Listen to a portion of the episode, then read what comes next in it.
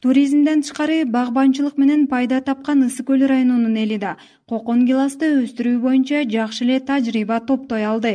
Өзгөчө көл жээгиндеги айылдардын тургундары үчүн жакшы иш. Алар келген туристтерге сатып андан көп көлөмдөгү түшүмдү экспортко жиберет. Кара ой айылынын тургуну евгений яковлев төрт гектар аянтка он жылдан бери кокон гилас өстүрүп келе жатат. Ну урожай. Быйыл он тонна мөмө жемиш терип алсак абдан жакшы болот эле деп үмүттөнүп атабыз. Былтыркы жылы мындан көбүрөөк болгон быйыл болсо мөмө азыраак бирок данектүү байлады. Демек сатыкка чыгарганда маселе жаралбайт. Багбан евгенийдин айтымында дүйнөлүк стандарттарга ылайык. Гиластын чоңдугу отуз миллиметрден кем болбосо мыкты болот.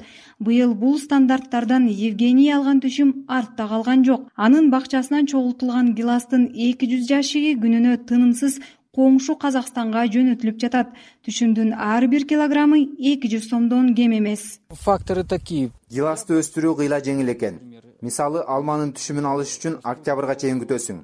Эгер мөндүр уруп кетсе кылган эмгегиңдин баары текке кетет.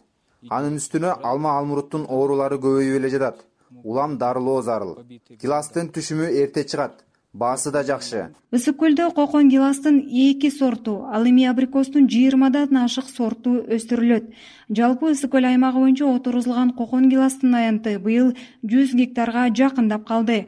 Азыркы пандемияга карабай өөрүк кокон гиластын түшүмүн экспортко чыгарууда кыйынчылыктар жок дешет багбандар ысык көлдө жүз токсон бир миң жети жүз жыйырма гектар айдоо аянты бар.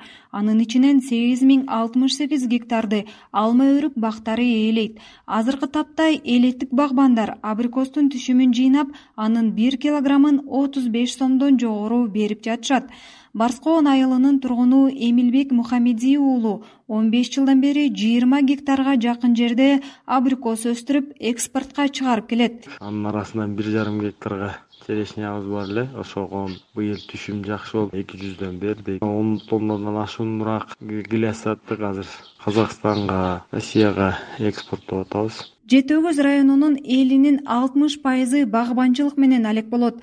Азыр райондо бир миң беш жүз гектарга жакын алма өрүк бактары бар.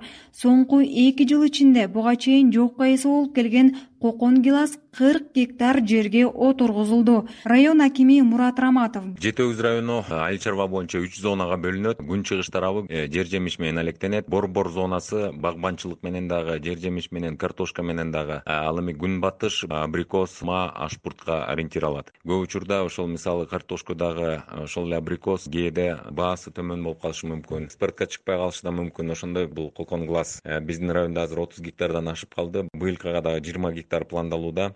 Кундуз сырдыбаева ысык көл азаттык